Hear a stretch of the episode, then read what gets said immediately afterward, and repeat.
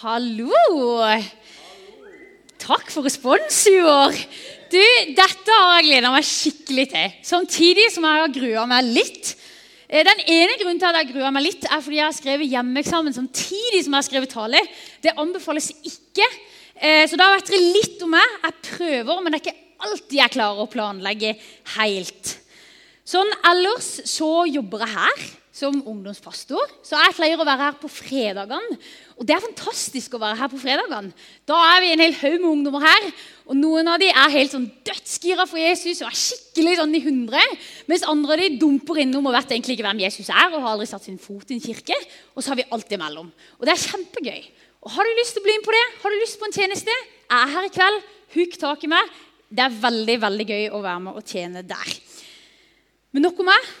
Touchpoint er nå inne i taleserien 'Jeg er', og jeg har fått den vanskelige teksten 'Livets brød'. Og Denne teksten har jeg krangla litt med, for jeg syns han var litt vanskelig å angripe. For han er litt svevende. Han er litt sånn diffus. Jeg er veldig glad i det konkrete og det man liksom kan ta på fysisk og dra ned. og sånn. Men denne teksten her var litt sånn svevende, så jeg krangla litt med han. Men så håper jeg at Gud kan blåse liv inn i mine forberedelser, og så satser vi på at det blir bra. Før jeg går inn i teksten, så vil jeg gi dere litt sånn bakgrunnsinformasjon.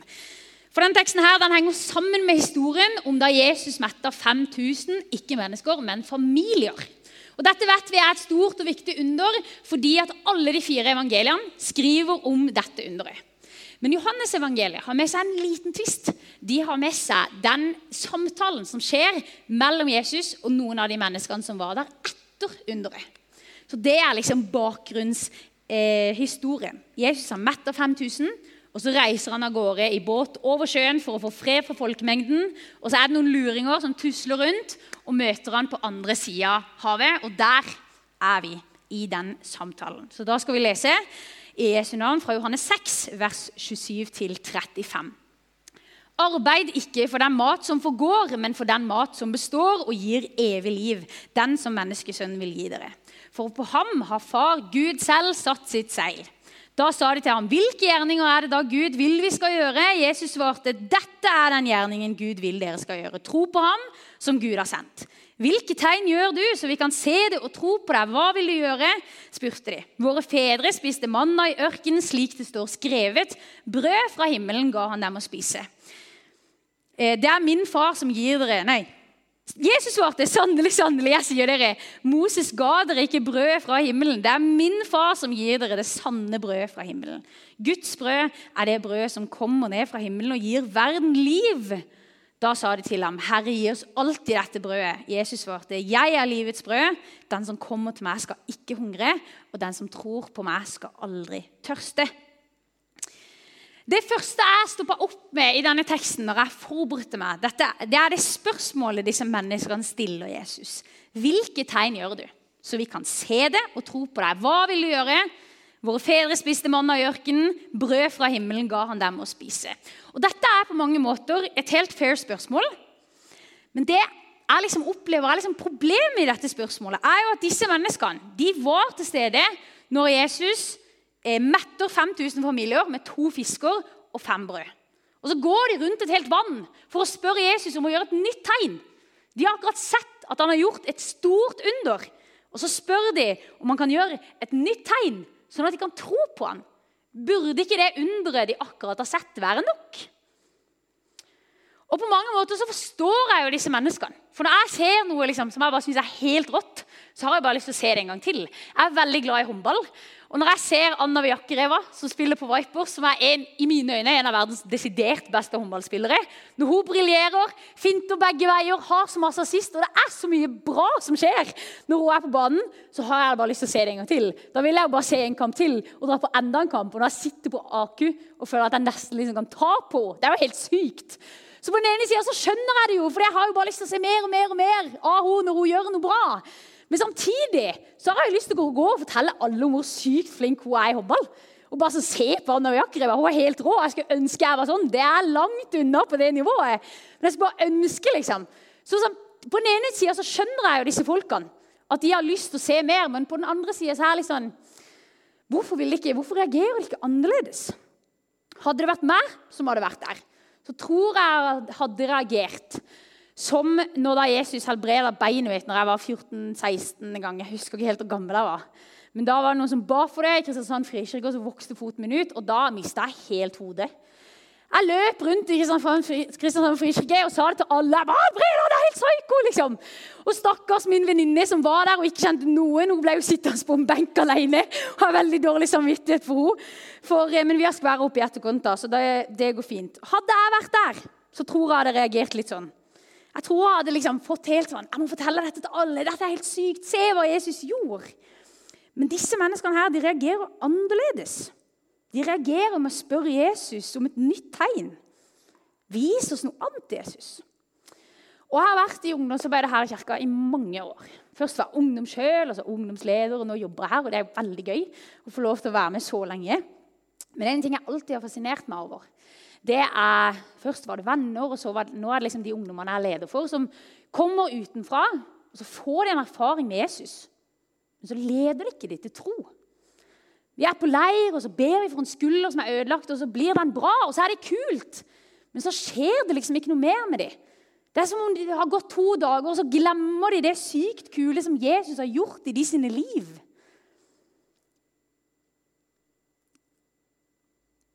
Men det leder ikke til tro. Og saken er det at Når vi snakker om tro, så må man jo faktisk ta steget inn til Gud selv. Man kan ikke bare sitte på sidelinja og vente på at Gud liksom skal gjøre noe nytt og stort i mitt liv. Vi er nødt til å tørre å ta steget inn og begynne sjøl å leve som en disippel av han. Men så var det disse menneskene da, som stiller spørsmål til Jesus. For dette spørsmålet, Det ligger mer bak dette spørsmålet. jeg egentlig skjønner med en gang, for De spør ikke Jesus bare om å gjøre et nytt tegn, men de, de trekker inn Moses. Og så sier de egentlig Moses han fikk det til å regne brød fra himmelen. sier de. Kan du gjøre det samme? De, egentlig, de leiter etter om Jesus kan være oppfyllelsen på en profeti som de hadde hørt om fra Gamle Testamentet, om at en dag så skulle det komme en ny Moses. Og disse, De er mest sannsynlig jøder da. De ser at Jesus gjør et under med brød, og så tenker de kan dette være den nye Moses? Kan dette være denne nye som vi venter på, som skal komme? Kan du gjøre et nytt tegn og vise oss at du er den, sånn at vi kan tro på det? Så de har jo en underliggende grunn til det spørsmålet de stiller til Jesus. Og så er jo det, Dette spørsmålet er interessant, men jeg synes svaret Jesus gir, er enda mer interessant. For Jesus gir det jo ikke noe nytt tegn. Jesus sier heller er livets brød'. Fremfor å gjøre noe nytt, helt rått, så peker Jesus på seg selv og sier 'se på meg'. Er det mirakelet dere trenger? Er det dere leiter etter? Det store, ekstraordinære som dere håper skal skje, det er meg. Er det sanne mirakel. Se på meg og tro på meg er alt du trenger. Se hva jeg gjør, hva jeg sier, og hvordan jeg lever. Jesus sier egentlig 'bruk hodet'. Bruk intellektet ditt. Legg sammen to pluss to. Gjør mattestykket. Og Det er det første jeg har lyst til å si da, at Jesus gir oss brød for hodet. Jesus utfordrer tankegangen til disse menneskene. Han utfordrer oss og min stadig vekk. Bruk hodet. Tenk. Hvem er denne mannen? Hva gjør han? Hva sier han? Hvordan levde han? Hvordan møtte han mennesker? Og hvordan møter han mennesker i dag? Han er fortsatt virksom i verden her og nå, her på touchpoint. Og han forvandler liv. Han snur alt totalt på hodet. Og så helbreder han syke og gir blinde syn. Og så setter han mennesker i frihet. Og så elsker han alle. Og vi er forskjellige. Vi legger merke til forskjellige ting med Jesus, og det er forskjellige ting som setter spor i oss. Og for noen av dere så er det å gjøre dette her mattestykket, legge sammen to pluss to, det er kanskje grunnen til at dere er kristen. Mens andre av dere har aldri tenkt på det engang. For meg, i mitt hode, så kan jeg ikke forstå det som noe annet enn at Jesus var Messias. Guds sønn. Gud selv som blei menneske. C.S. Lewis han skriver noe om dette. Han skriver at enten så var Jesus Guds sønn, eller så var han gal, eller noe enda verre. Du kan slå han i hodet med at han var en idiot, spytte på han eller drepe han, eller så kan du kaste deg ned fra hans føtter og kalle ham Herre og Gud. Jesus var enten det han sa han var, eller så var han gal. Jeg tror han var Gud. Hva tror du? Jesus gir oss brød for hodet. Han utfordrer intellektet vårt, men han gir oss også brød for livet. Jesus gjør masse mirakler i Nytestamentet. Og Vi kan finne flere bibelvers som egentlig er bare sånn helt utrolige. Sånn som det bibelverset som kommer her, Matteus 9,35. Jesus vandrer nå omkring i alle byer og landsbyer og helbreder alle sykdom og plager. Og På to setninger så står det egentlig her at Jesus har helbreda flere hundre, kanskje tusenvis av mennesker. Men det vet vi ikke om, for det er ikke plass til å skrive det. Så de, bare, de kan bare skrive det til disse to setningene. Og her står det så mye mer enn vi bare kan tenke over. Han gjorde uendelig med mirakler, og det er ikke plass til å skrive om det i Nytestamentet engang. Og jeg vet ikke om du har tenkt på det, men disse miraklene som Jesus velger Hva skal jeg si? De er kanskje litt sånn lite kreative, i hvert fall. Misforstå meg rett. Altså, Det er jo ekstremt, det han gjør, men han mangler litt sånn ny inspirasjon. Han helbreder blinde, får lammet til å gå, får døve til å høre. Så går han litt på vannet, og stiller en storm, og så møter han mennesker. Og det er jo menneskers dype behov. Han tar liksom det naturlige som er der, og så retter han opp i det. Nå vil jeg at dere skal bli med meg på en tanke. Når Jesus metta 5000, så kunne han jo gjort noe helt sinnssykt. Han kunne liksom flydd til Roma, skrelt Roma for alt av border og stoler og bare dekket liksom tidenes koldtbord. Og så kunne han eh, flydd tilbake i tid og tatt epler fra liksom Edens hage. Og så kunne han flydd framover i tid, og så kunne han tatt liksom eh, eh, eh, eh kålrotstappe og eh, fårikål på et bord. Og så, er det bare, så kunne han utslette verdens sult og så kunne han få det til å regne kjøttboller på samme tid. Og så kunne det blitt helt sykt. Altså Han kunne gjort noe helt rått nå. Men Jesus gjør ikke det.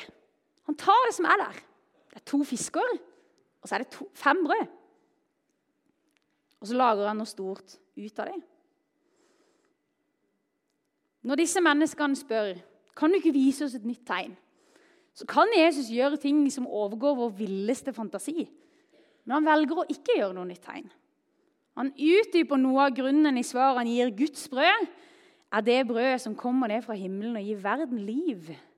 Jesus er kommet fra himmelen for å gi verden liv. Det er derfor han kom til jorda. Ikke for å utføre, ikke bare for å gjøre mirakler, men for å gi verden liv, for å gi oss en smakebit på det som en gang har vært, og det som en gang skal komme. Og jeg tror at Grunnen til at Jesus kanskje er litt lite kreativ, er fordi at han hadde et mål med sitt virke. Det er en grunn til at han kom. Jesus kom ikke til jorda bare for show-off, men han kom til jorda for å rette opp igjen det som er galt, for å sette sammen det som har blitt brutt. Jesus kom for å vise oss hans rike, for å vise hva vi en dag kan få lov til å vende hjem til om vi tror på han. Han kom for å møte mennesker og våre dypeste behov. Og Det kan han også gjøre for oss her og nå i dag. Og så kommer han jo ikke bare for alle andre, men han kom jo for deg. Og for at du skal få lov til å vende hjem til ham. Og Dette er, er så viktig. Og dette er liksom noe av kjernen i evangeliet. Er i hvert fall min opplevelse. Og Hvis det er så viktig, så bør det påvirke livene våre. Det bør påvirke hvordan vi lever. Og Heldigvis så leser vi en bok i staben i kirka her for tida som heter 'Practicing the Way'. Anbefales på det varmeste. Og Her snakker han om akkurat dette. Og Jeg har tatt noe av det han skriver i boka si. Eh, og Det handler egentlig om å øve på lik linje som alt annet i vårt liv. John Mark Homer, som han heter, han som skriver denne boka, han skriver at alle mennesker har et eksistensielt hjem. Noe som hjernen vår liksom detter tilbake på når vi slapper av eller har ledig tid. Og For mange av oss er nok telefonen vårt eksistensielle hjem. For når vi har en pause, så er det den vi tar opp. Men når vi ikke er på telefonen, og når vi ikke ser på serie, og når vi ikke snakker med folk eller leser bok, når vi bare er helt stille, helt alene, hva er det da tankene våre går til? Hva er det da tankene våre beveger oss til? Det er ditt eksistensielle hjem. Og Hvis du ikke vet hva det er, så er det bare å gå en tur i skogen alene. Legge mobilen hjemme, så finner du veldig veldig fort ut av det. Og Det hjemmet, det eksistensielle hjemmet, det kan være Jesus. Og det kan vi øve oss på. Helt konkret hver gang man får en pause, så kan man tenke på Jesus. Hvis du venter på bussen, venter på rødt lys, venter på en venn som du skal plukke opp, som er litt treig, står på kø i butikken, skal på do, eller sitter og skal, hvis du er på venterom fordi du skal til tannlegen eller rådgiver, eller et eller annet, Hver gang du har en naturlig pause, så tenk på Jesus. Så kan vi øve oss på å tenke på Jesus. Og så kan det være helt enkle bønner man kan si inni seg sjøl eller høyt. Det jeg gjør, helt enkelt og konkret. Takk, Jesus, for denne dagen. Takk for at du er min herre. Og så sitter jeg bare i stillhet og så tenker jeg på Jesus. Så er jo det neste steget å lage liksom større rom for seg sjøl. Og faktisk lage rom hvor man kan være stille. Hva med å, liksom, når du drikker kaffe når du står opp? Det er jo hvert fall Jeg Jeg starter som regel alltid i dag med en kopp kaffe. Bare sitte i stillhet. Ikke på mobilen, liksom. Sitte i stillhet og være med Jesus. Eller når man kjører bil, ikke ha på musikk eller radio, bare være stille. Ikke ta opp mobilen når man sitter på bussen. Bare være stille sammen med Jesus. Komme ti minutter før forelesning eller bli sittende ti minutter igjen. Og bare være stille sammen med Jesus. I januar var jeg fire dager på stilleretreat. Og det var stille. Eh, og det var forferdelig å sitte og spise taco med 60 stykk, som er fellesskapsmåltidet over alle fellesskapsmåltid, i stillhet. Det var helt grusomt. Men det var samtidig veldig fint å være sammen i stillhet. Og det er det jeg har tatt med meg hjem. Så nå prøver jeg så ofte jeg får det til, å starte dagen min med å drikke en kopp kaffe, og så er jeg bare stille. Og så sier jeg 'Hei, Jesus, god morgen'. Takk for en fin dag. Takk for at jeg sover godt. Jeg ber om at du skal hjelpe meg å følge deg da. Amen. Og så er jeg bare stille sammen med Jesus. Og det er helt fantastisk. For meg så har denne retreaten vært et før og et etter. Og hvis vi øver oss på å nyte stillheten sammen med Jesus, så tror jeg at vi sakte, men sikkert kan bli mer og mer fylt av han. Sakte, men sikkert bli mer og mer lik han. Og så vil vi begynne å leve et liv hvor vi er tett på Jesus.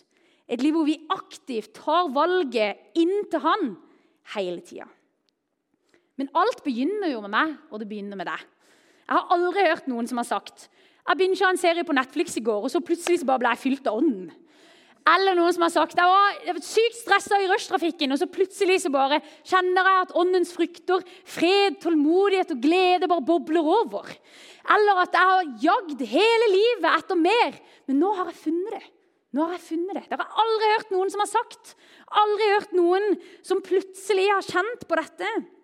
Det begynner med oss. Vi er nødt til å ta et aktivt steg inn. Jesus er her akkurat nå. Han har lyst til å ha en tett relasjon med deg. Men det starter med deg. Det starter med at du tar steget inn, at du ikke setter deg på sidelinja og venter på at noe skal skje. Venter på det neste underet. Det handler om at vi aktivt tar valget inn og prøver å begynne å leve et liv som etterfølger av Jesus. Jesus han gir oss brød for hodet, han gir oss brød for livet, men så gir han oss også brød for hjertet. Og Kjernen i disse versene her opplever jeg er vers 35. Jeg er livets brød. Den som kommer til meg, skal ikke hungre. Og den som tror på meg, skal aldri mer tørste. Her snakker Jesus om en spirituell hunger. Den dype lengselen som hvert menneske ønsker å fylle. Som vi søker. Vi søker alle etter noe mer. Og vi lengter etter noe større enn oss sjøl. Og på et eller annet tidspunkt så tror jeg alle mennesker stopper opp og tenker Er dette alt? Fins det noe mer for meg enn det jeg ser og kan ta på? Og det er dette tomrommet, denne lengselen, vi prøver å fylle med alt mulig rare ting. Penger, familie, status, god jobb, materialisme osv. Jeg kunne sikkert fortsatt i det uendelige. Men jeg tror at det ligger en dyp lengsel i alle mennesker. En lengsel etter noe mer, etter noe større enn oss selv.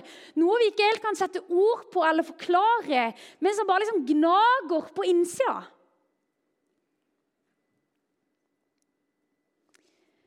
Jeg vet ikke hvilket forhold dere har til shopping. Jeg er ikke så glad i det, i hvert fall ikke Sørlandssenteret. Eh, jeg vil gjerne inn og ut, ferdig, hjem. Eh, men Håkon, som er gift med, derimot, han elsker å gå og titte. Og Spesielt i bruktbutikker så vil han gå og titte og se om han kan finne noe til vennene sine. Noe sånn tull og tøys. Eh, det som er herlig med det da, er at Er du glad i gaver, så bør du bli kjent med Håkon, for han elsker å kjøpe gaver til folk. det er det pengene våre går til. Gaver til andre. Og det er jo en fin verdi. Men han er også glad i å kjøpe ting til seg sjøl. Her om dagen så kjøpte han et nytt Ringenes herresverd som han gjerne ville henge i stua. Det skjer bare ikke.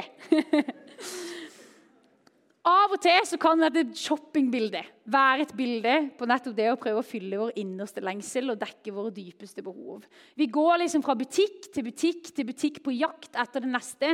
På jakt etter det som, etter det som skal dekke vårt indre. Det som liksom skal dekke den tørsten som skriker inni oss, som ikke kan bli slukka med Pepsi Max eller en, eller en dobbel latte med hasselnøttsmak. Den kan bare slukkes med én ting, og det er Jesus. Det er ikke Jesus sine mirakler, Jesus sine under, men det er Jesus selv. Han er selve mirakelet. Han er det vi trenger for å slukke den innerste tørsten, den innerste hungeren, som kan gnage på innsida. Og Den lengselen du kanskje kjenner på, eller har kjent på, som vi prøver å fylle med et eller annet, den kan slukkes. Den kan det bli slutt på. Og jeg er overbevist om at det bare er Jesus som kan fylle den lengselen. Og Jeg har personlig merka denne forskjellen på kroppen. Som dere skjønte litt i stad, så er jeg veldig glad i håndball. Um, og når jeg gikk på ungdomsskolen, så spilte jeg håndball, og det var liksom greia. Uh, og jeg hadde, ikke, jeg hadde, ikke, planer om å satse, men jeg hadde i hvert fall lyst til å liksom, gå toppidrett på videregående og på en måte prøve litt. da. Eh, problemet mitt var jo at den lengselen jeg hadde inni meg, prøvde jo jeg å slukke med håndball. Og alle presteringene som lå der. Men problemet var jo at når jeg da ikke fikk det til på trening, eller ikke ble tatt ut til kamp, eller spilte en dårlig kamp, så gikk jeg jo i grus. Og det endte jo med at jeg bare ble lei av hele greia. Og så heldigvis, da, så søkte jeg meg her inn i denne kirka istedenfor. Og så etter flere år med pause så fikk jeg masse Jesus-påfyll. Og så fikk jeg lov til å vokse sammen med han og kjenne at han slukka den tørsten min. Han slukka det jaget mitt etter anerkjennelse og det å bli liksom, lagt merke til. Det er han som gir meg verdi og anerkjennelse. Det er han som fyller mine dypeste behov. Så når jeg da begynte å spille igjen i 2020, så er jo forholdet mitt helt annerledes. Nå er det jo bare gøy. Om jeg nå ikke blir tatt ut til kamp, så er det jo kjipt. Men det går fint. Om jeg nå spiller en dårlig kamp, så er det sånn Ja, ja, det er litt kjedelig, men det går fint. Jeg har liksom ikke blitt en mur sånn at ingenting går inn på meg. Men det er jo en stor forskjell i forholdet mitt til håndballen. Forskjellen er jo at lengselen min ikke er noe jeg lenger søker etter. Den er jo slukka. Jeg har fått opplevd hvordan Jesus har blitt min kilde til verdi, til mening, hensikt og identitet. Ikke det å slutte med aktiviteten, men det å søke Jesus. Så kan det jo være du tenker Men Ingrid, hvordan i huleste skal jeg klare å oppnå dette? Jeg tørster så ekstremt. Jeg er så sulten. Den lengselen bare liksom spiser meg opp innvendig. Jeg aner ikke hvor jeg skal begynne eller starte. Eller så kan det hende du tenker at vet du hva, jeg tror egentlig ikke jeg trenger å søke Jesus for å slukke lengselen min. For den, den har jeg liksom slukka sjøl. Med mine egne prestasjoner eller jobb eller skole eller hva det enn skal være. Eller så kan det hende at du tenker jeg har ikke lyst til å slukke lengselen min. For det er jo den som driver meg framover. Det er den som gjør at jeg liksom blir den beste versjonen av meg sjøl. Samme åssen du opplever at dette lander hos deg så har jeg uansett lyst til å avslutte med å utfordre deg til å tenke litt annerledes på ting. I vers 34 så står det Herre, gi oss alltid dette brødet. Og dette verset her, denne setninga her, har utfordra meg de siste dagene hvor jeg har jobba med denne talen.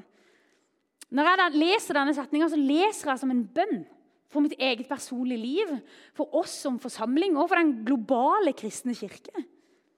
Herre, gi meg alltid dette brødet. Og vi kunne omformulert det til Herre, slukk lengselen min. Vær kilden til mitt liv. Vær min mening, vær min hensikt. Ikke alt annet. Enten på ny eller for aller første gang. Og Det finnes mange måter å gripe denne bønnen på. Og For meg så har stillheten blitt det nye. Det har blitt den nye måten jeg ber denne bønnen på. Det har blitt min måte å liksom tvinge meg sjøl innenfor Jesu nærvær på. Min måte å liksom dytte meg selv på Han. Jeg tror at i alle oss mennesker så ligger det en dyp, dyp lengsel. En søken etter noe større, etter noe mer. Og jeg tror det bare finnes én som kan slukke den lengselen. Jeg tror det bare finnes én som kan fylle mine innerste behov. Og han er her. Akkurat nå. Han er livets brød. Og Det første steget inn til han, det er å be denne bønnen. Herre, gi meg alltid dette brødet. Og Denne bønnen kan du be nå i lovsangen etterpå. Eller du kan ta den med inn på forbønnsrommet og si jeg har lyst til at dette skal være bønnen for mitt liv. Og så kan noen andre få lov til å be det over deg. Eller du kan bruke bønnekrukka, skrive den ned eller tenne et lys som en symbol. Eller du kan ta den med deg hjem og knele ned når du kommer hjem foran senga di og si 'Jesus, gi meg dette brødet'. Du må gjøre det på din måte, sånn som det føles naturlig deg, for deg. Men jeg tror alle vi trenger å be den bønnen på nytt. Samme hvor lenge vi har vært kristne. Herre, gi meg alltid dette brødet. Jeg har lyst til å avslutte med å be en bønn. Takk, Herre Far, for at du er den eneste som kan slukke vår lengsel. Takk, Jesus, for at du kjenner alle oss som er her inne. Du vet hva vi lengter etter, og du vet hvordan dette treffer oss. Og så ber jeg bare, Herre, om at du skal dra oss enda nærmere deg. Og på ny slukk lengselen vår, Herre. Eller for første gang. Takk, Jesus, for at du kjenner oss bedre enn vi kjenner oss selv. Og du vet hva vi trenger bedre enn vi trenger det selv, Herre. Amen.